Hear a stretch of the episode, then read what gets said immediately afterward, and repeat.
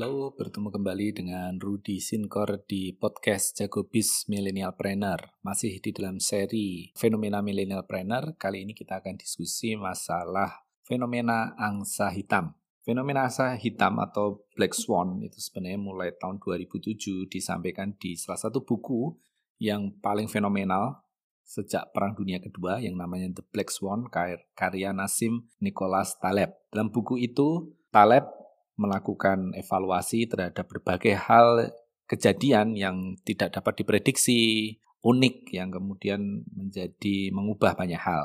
Situasi ini sekarang sangat relevan di masa-masa pandemik ya, tidak ada yang memperkirakan bakal ada wabah COVID-19 dan tidak ada yang memperkirakan dunia akan begitu berbeda di tahun 2020. Buku yang sangat bagus itu sebenarnya tidak bermaksud untuk mencoba memprediksikan kejadian-kejadian unik atau kejadian ganjil yang akan terjadi di masa depan ya, tetapi bagaimana kita dapat mengambil peluang-peluang atas kejadian tersebut.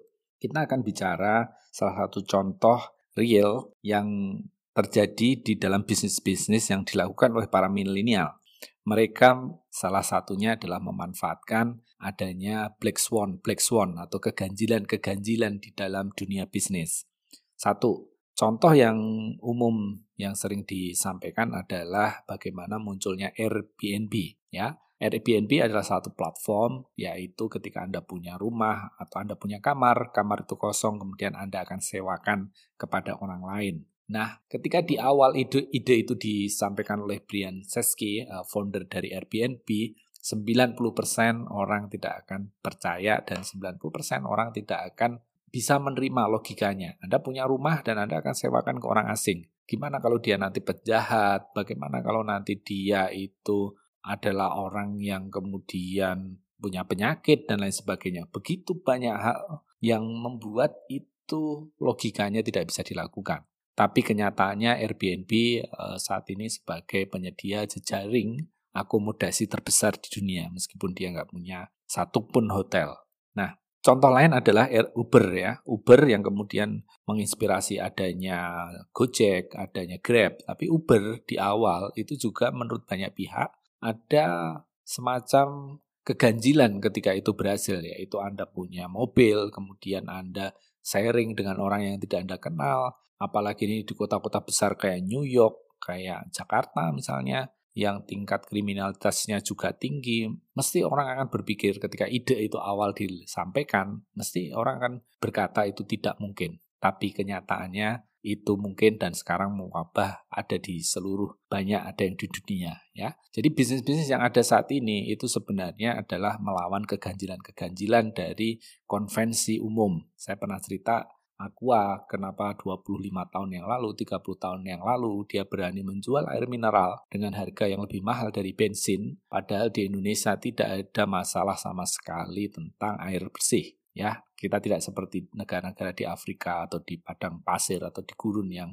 air itu akan sulit dapat. Kita air melimpah di mana-mana. Tapi itu ternyata menjadi salah satu bisnis yang paling sukses ya. Kemudian di beberapa tahun ini kita udah paham bagaimana bisnis-bisnis dari sharing ekonomi. Ya, tadi Airbnb itu sharing kamar, kemudian Uber itu dia sharing kendaraan, dan kemudian banyak lagi hal-hal yang kemudian ketika kita bisa pinjem, ketika kita bisa nyewa, kenapa kita harus beli, kenapa kita harus punya. Nah, Black Swan sendiri, Black Swan sendiri itu sebenarnya satu metafora yang awalnya e, diinspirasikan adalah di seluruh dunia dulu itu percaya bahwa yang namanya angsa itu mesti berwarna putih. Tapi kemudian teori itu atau keyakinan itu gugur ketika ditemukan satu angsa hitam yang ada di Australia. Nah, itulah kemudian ada sebuah metafor Black Swan, yaitu satu bukti itu sudah cukup untuk menggugurkan keyakinan keyakinan yang berlaku umum. Kalau kita merefer ke Peter Drucker, bapak manajemen modern, Peter Drucker menyampaikan bahwa apa yang diyakini banyak orang itu belum tentu betul. Dan pebisnis itu banyak yang kemudian menggunakan asumsi-asumsi yang digunakan oleh orang umum dalam memulai bisnisnya dan itu kemudian tidak ada inovasi. Kita dulu yakin bahwa naik pesawat mesti mahal karena ya pesawat udah harganya mahal, pilot itu gajinya tinggi dan lain sebagainya sehingga orang semua menerima bahwa tiket pesawat mahal sehingga hanya orang tertentu yang bisa naik pesawat. Tapi kemudian ada satu perusahaan di Amerika yang namanya Southwest yang kemudian berpikir tiket mahal itu karena penumpang membayari bangku-bangku kosong. Kalau ini tiket saya turunkan, tingkat isian pesawat ini lebih tinggi, semua orang akan happy. Kemudian dia lihat bahwa snack atau menu yang ada di pesawat itu dipersiapkan dengan tidak optimal, kemudian juga sering tidak dimakan dan makanannya juga tidak begitu enak, tapi itu kosnya sangat tinggi. Nah, dia mengkat-kat itu semua, kemudian dikenalah di satu industri yang namanya low cost carrier. Kemudian itu menginspirasi Virgin, Virgin menginspirasi AirAsia, dan sekarang ini di berbagai tempat di seluruh dunia mesti ada low cost carrier. Sehingga kita sekarang bisa memahami bahwa naik pesawat pun tidak harus mahal. Nah, pikiran-pikiran yang semacam itu, kemudian inilah yang dipakai oleh para milenial milenial memiliki keberanian untuk mempertanyakan segala asumsi yang berlaku dan dia berpikir kenapa tidak. Ya, ketika orang lain kan mikir kenapa harus kayak gini, kenapa harus kayak gini, milenial berpikir kenapa tidak? Kenapa tidak tiket itu harus murah? Kenapa tidak kita bisa jalan-jalan ke luar negeri tapi murah? Kenapa tidak kita bisa nginep di satu apartemen tapi itu juga murah? Nah, di situlah memicu sebuah perubahan yang secara umum kemarin udah kita sedikit sampaikan, ada flipping, ada fenomena ekonomi berbagi, dan ini saya hari ini bercerita tentang fenomena angsa hitam. Mungkin saya akan buat satu episode khusus tentang ekonomi berbagi. Nah, di, di podcast kali ini saya juga pengen diskusi bagaimana memanfaatkan konsep Black Swan itu untuk memulai bisnis di Indonesia saya dalam berbagai kesempatan menyampaikan Black Swan di Indonesia itu ada di desa. Kenapa? Karena desa itu punya sumber daya, dia punya alam yang bagus, punya bahan-bahan alami yang begitu banyak, baik bahan-bahan herbal, kekayaan alam, kemudian dia punya culture yang sungguh, sungguh kaya, tapi mengapa justru dengan berbagai sumber daya yang ada di desa itu, tapi mayoritas desa saat ini juga masih belum sejahtera. Mayoritas penduduk miskin masih ada di desa. Maka di sini ada satu gap sebenarnya, ada yang salah di sini.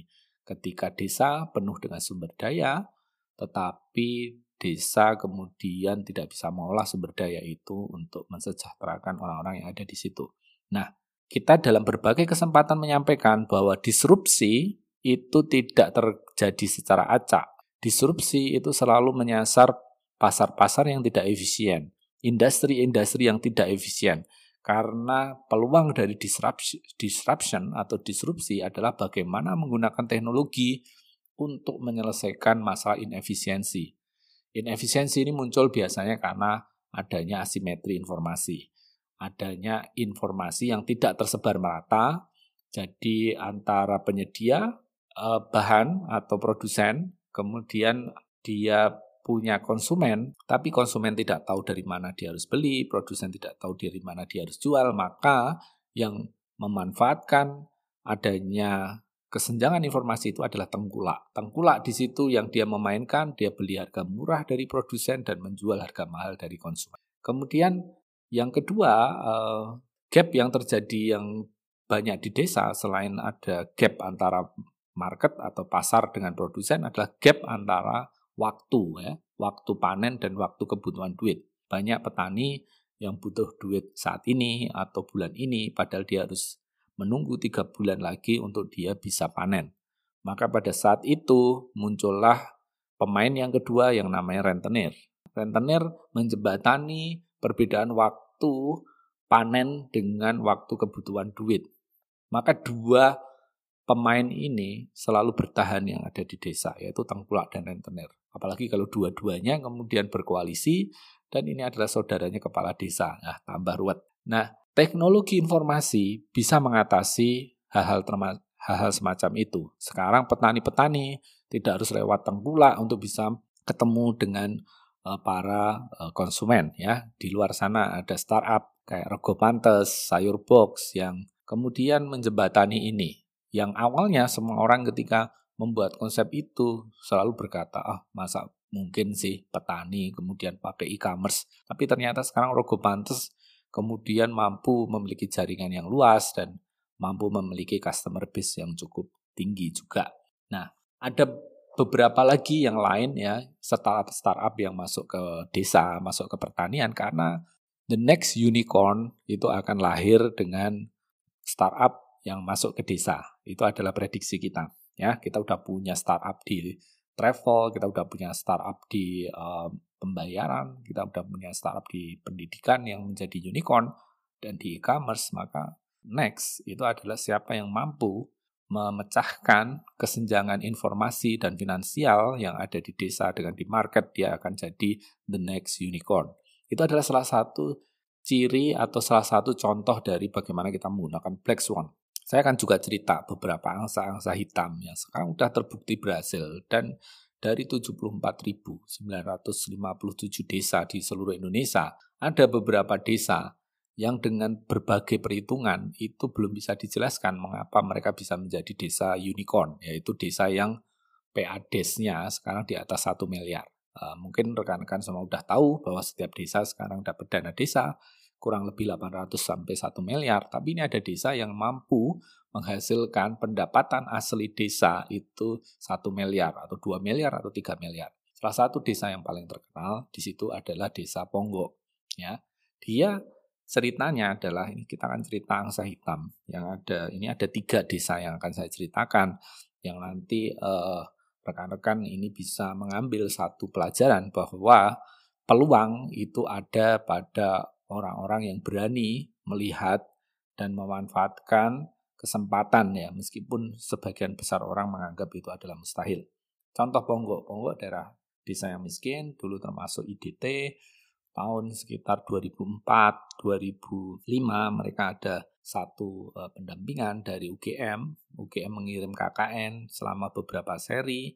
Kemudian mereka mulai memetakan potensi, membuat bisnis plan, dan akhirnya ketemu mereka punya salah satu kekayaan alam yaitu umbul atau mata air yang dalam satu detik itu bisa mengeluarkan debit airnya 800 liter. Anda bisa bayangkan 800 liter per detik dan itu adalah sumber mata air yang digunakan secara komersial oleh salah satu perusahaan air minum terbesar di Indonesia. Nah dari situ kemudian muncul juga pikiran bagaimana mata air yang ada selain sudah dikerjasamakan dengan salah satu pabrik pembuat air minum juga bisa bermanfaat bagi kesejahteraan masyarakat. Mereka nggak bisa menggunakan itu sebagai air minum karena itu sudah ada peraturan daerah yang mengatur itu. Nah, mereka kemudian punya inovasi menjadikan umbul itu sebagai objek wisata. Singkat cerita, mereka ada dibantu oleh bisnis plan dari anak-anak mahasiswa, mereka punya desain dari salah satu pihak yang profesional, kemudian mereka harus membangun dan mereka butuh dana yang cukup besar yaitu hampir 3 miliar. Nah, mereka punya inovasi menurut saya ini keren banget, yaitu mereka melakukan crowdfunding.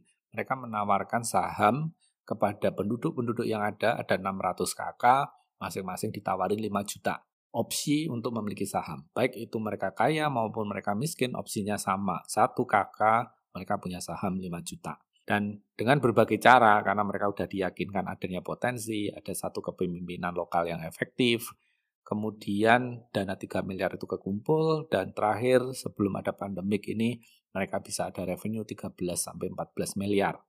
Dalam waktu 12 tahun yang sebelumnya ada 40% eh, warga yang miskin, sekarang ini mereka tidak ada yang miskin menurut ukuran pemerintah, kemudian BPJS-nya mereka dibayari semua, dan yang paling inspiratif adalah mereka punya program satu rumah, satu sarjana. Ini adalah salah satu bentuk bagaimana desa yang miskin, kemudian dengan inovasi yang berdasarkan market base, kemudian mereka bisa menjadi desa yang sejahtera. Nah, contoh yang kedua, ini juga tidak kalah keren adalah desa Panggung Harjo yang tahun lalu menang uh, salah satu penghargaan di ASEAN sebagai community based leadership ya untuk badan usaha milik desanya. Nah, kenapa dia sampai menang di kategori Asia Tenggara? Karena dia mengelola sampah. Dia mengelola sampah yang dikelola adalah sesuatu yang sebenarnya mesti ada di setiap desa. Mereka punya problem di sampah mereka punya penduduk yang cukup banyak padat karena desa ini terletak di perbatasan dengan kota, lahannya udah mulai sempit dan orang kemudian membuang sampah itu menjadi uh, kesulitan, kemudian dibuanglah di satu tempat yang itu akhirnya mengganggu pemandangan, mengganggu uh, kesehatan dan juga uh, menimbulkan banyak konflik ya. Nah, kemudian kepala desa yang baru di situ namanya Pak Wahyudi Anggoro Hadi kemudian melihat ini harus ada penyelesaian yang berkelanjutan. Pemerintah desa anggarannya terbatas, tidak bisa terus-menerus memberikan subsidi, maka dia membentuk badan usaha milik desa dan mengelola masalah sampah. Desa-desa yang lain ketika mengelola badan usaha milik desa itu selalu fokus pada ada potensi ekonomi yang di situ, tapi kalau di sini fokusnya adalah menyelesaikan masalah sosial. Inilah kemudian yang dikenal nantinya bahwa karakteristik, badan usaha milik desa adalah social enterprise. Dengan modal yang hanya kecil 37 juta, tapi dia memiliki uh, satu ketelatenan, satu kepedulian, kemudian ini banyak pihak yang kemudian simpatik, ada bantuan dari Pemda 1,4 miliar, ada bantuan dari CSR beberapa perusahaan. Singkat kata, dalam tiga tahun mereka bisa mendapatkan aset lebih 1,4 miliar dan pendapatan yang cukup untuk mereka ekspansi ke beberapa bisnis yang lain. Salah satu ekspansi mereka adalah Kampung Mataraman. Itu ada satu tempat untuk pembelajaran budaya, pembelajaran kuliner dan juga untuk uh, wisata ya keluarga yang tidak main-main ya. Tahun lalu mungkin ada hampir 120 ribu yang datang ke situ, pendapatannya hampir lebih dari 5 miliar. Dan yang menarik adalah 89 karyawannya itu adalah mayoritas di situ adalah warga desa, hampir 90% di situ warga desa. Kemudian mereka juga 80% membeli bahan itu dari desa itu sendiri.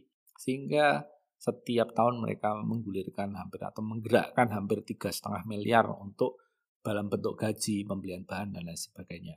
Di antara 89 karyawan itu ada juga untuk orang-orang yang mas uh, yang sudah di lansia umurnya sudah di atas 60 tahun yang dia masih butuh pekerjaan untuk menghidupi keluarganya. Kemudian juga ada difabel dan mungkin juga ada beberapa yang putus sekolah. Artinya apa? Ini adalah bentuk negara hadir dalam menyelesaikan masalah real yang ada di masyarakat, yaitu bentuknya sampah, mengurangi pengangguran, dan meningkatkan pendapatan di warga. Nah, cerita saya yang terakhir itu adalah satu angsa hitam yang mungkin banyak orang sudah pernah ke sana tapi tidak tahu itu dikelola desa, tidak tahu itu dikelola oleh badan usaha milik desa adat, yaitu adalah Pantai Pandawa. Pendapatan mereka lebih dari 30 miliar, kemudian mereka sudah menyerap ribuan karyawan di situ. Tapi cerita yang menurut kami paling inspiratif adalah mereka bisa melakukan itu sebelumnya mereka harus membelah satu tebing yang menghalangi pantai yang sangat indah dengan jalan. Nah, mereka kemudian membangun jalan di situ, menembus tebing dengan bekerja sama dengan beberapa pihak, kemudian dari tempat yang tidak dikenal, itu kemudian menjadi objek wisata sekarang yang ya sebagai salah satu destinasi wajib ketika orang ke Bali. Nah, dari tiga cerita itu, itu sebenarnya kesamaannya ada beberapa hal. Satu, di situ ada lokal leader, ada lokal champion, ya.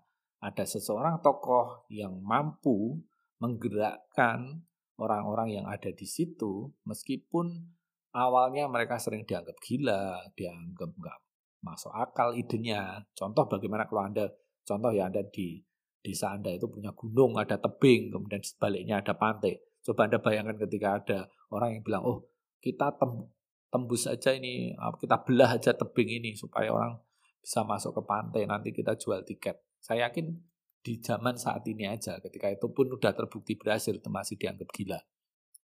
Kemudian kalau ada di satu desa yang di situ tanahnya nggak laku dijual, kemudian nggak bisa ditanami apa-apa karena tanahnya hanya pasir, kemudian dia tempatnya cukup jauh dari kota, kemudian dia membuat objek wisata yang kemudian direncanakan untuk narik ribuan orang. Saya anggap juga di situ mungkin banyak orang yang anggap itu dia gila. Nah, kita masih punya banyak cerita kayak gitu, hampir ada 100 desa yang kemudian Eh, keluar ya dari kemiskinan atau dia mendapatkan prestasi yang luar biasa karena tidak mengikuti adanya satu konvensi-konvensi atau asumsi-asumsi umum.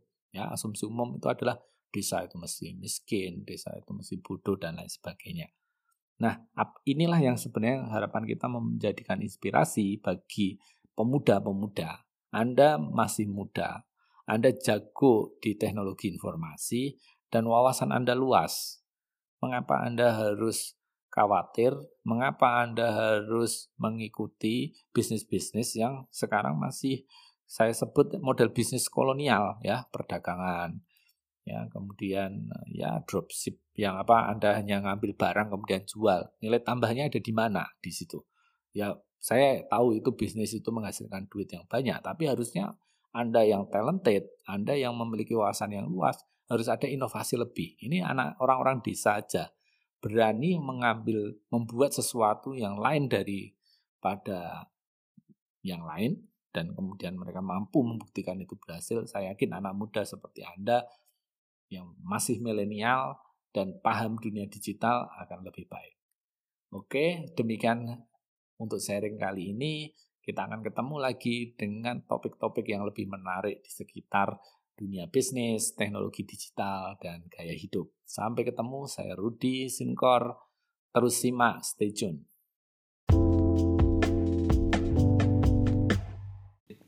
Jika Anda ingin terus mendapatkan update-update terkait dengan bidang bisnis, kewirausahaan, keuangan, dan teknologi digital, Anda bisa simak learning.co.id, tempat belajar online yang menyenangkan, bisa diakses di mana saja dan dengan harga terjangkau. Anda bisa meningkatkan skill-skill baru, pengetahuan baru untuk Anda bisa survive di revolusi industri 4.0 dan di masa krisis. Kalau Anda juga tertarik untuk mengembangkan karir di industri digital, Anda bisa daftar di lokerdigital.com. Banyak peluang karir menjadi agen digital maupun pekerjaan freelance yang bisa Anda lakukan dari rumah sambil rebahan. Secara reguler, kami juga mengadakan webinar, free training online, sharing tips maupun podcast.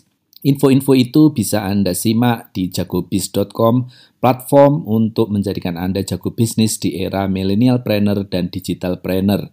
Info-info menarik juga Anda bisa simak di bumdes.id, komunitas terbesar bumdes di seluruh Indonesia, tempat yang tepat untuk menumbuhkan, menguatkan, dan mengembangkan pilar-pilar ekonomi desa di seluruh Indonesia. Podcast ini juga terselenggara atas dukungan maupun kerjasama dari Sincor Indonesia Digital Energy of Indonesia yang memiliki misi untuk membantu individu, organisasi, dan masyarakat untuk meningkatkan kinerjanya lewat bantuan teknologi. Sincor Indonesia terus bergerak selama 10 tahun terakhir dalam memberikan layanan berkualitas dengan harga terjangkau di bidang sistem, consulting, training, dan research. Podcast ini juga didukung penuh oleh Merafi.id, Co-Creative Space, SHRM Co-ID, komunitas kejar UMKM, dan mitra-mitra strategis kami dari berbagai perusahaan dan organisasi di Indonesia. Terus dukung kami, simak terus update-update yang kami sampaikan, terus bergerak dan tetap produktif. Stay tune!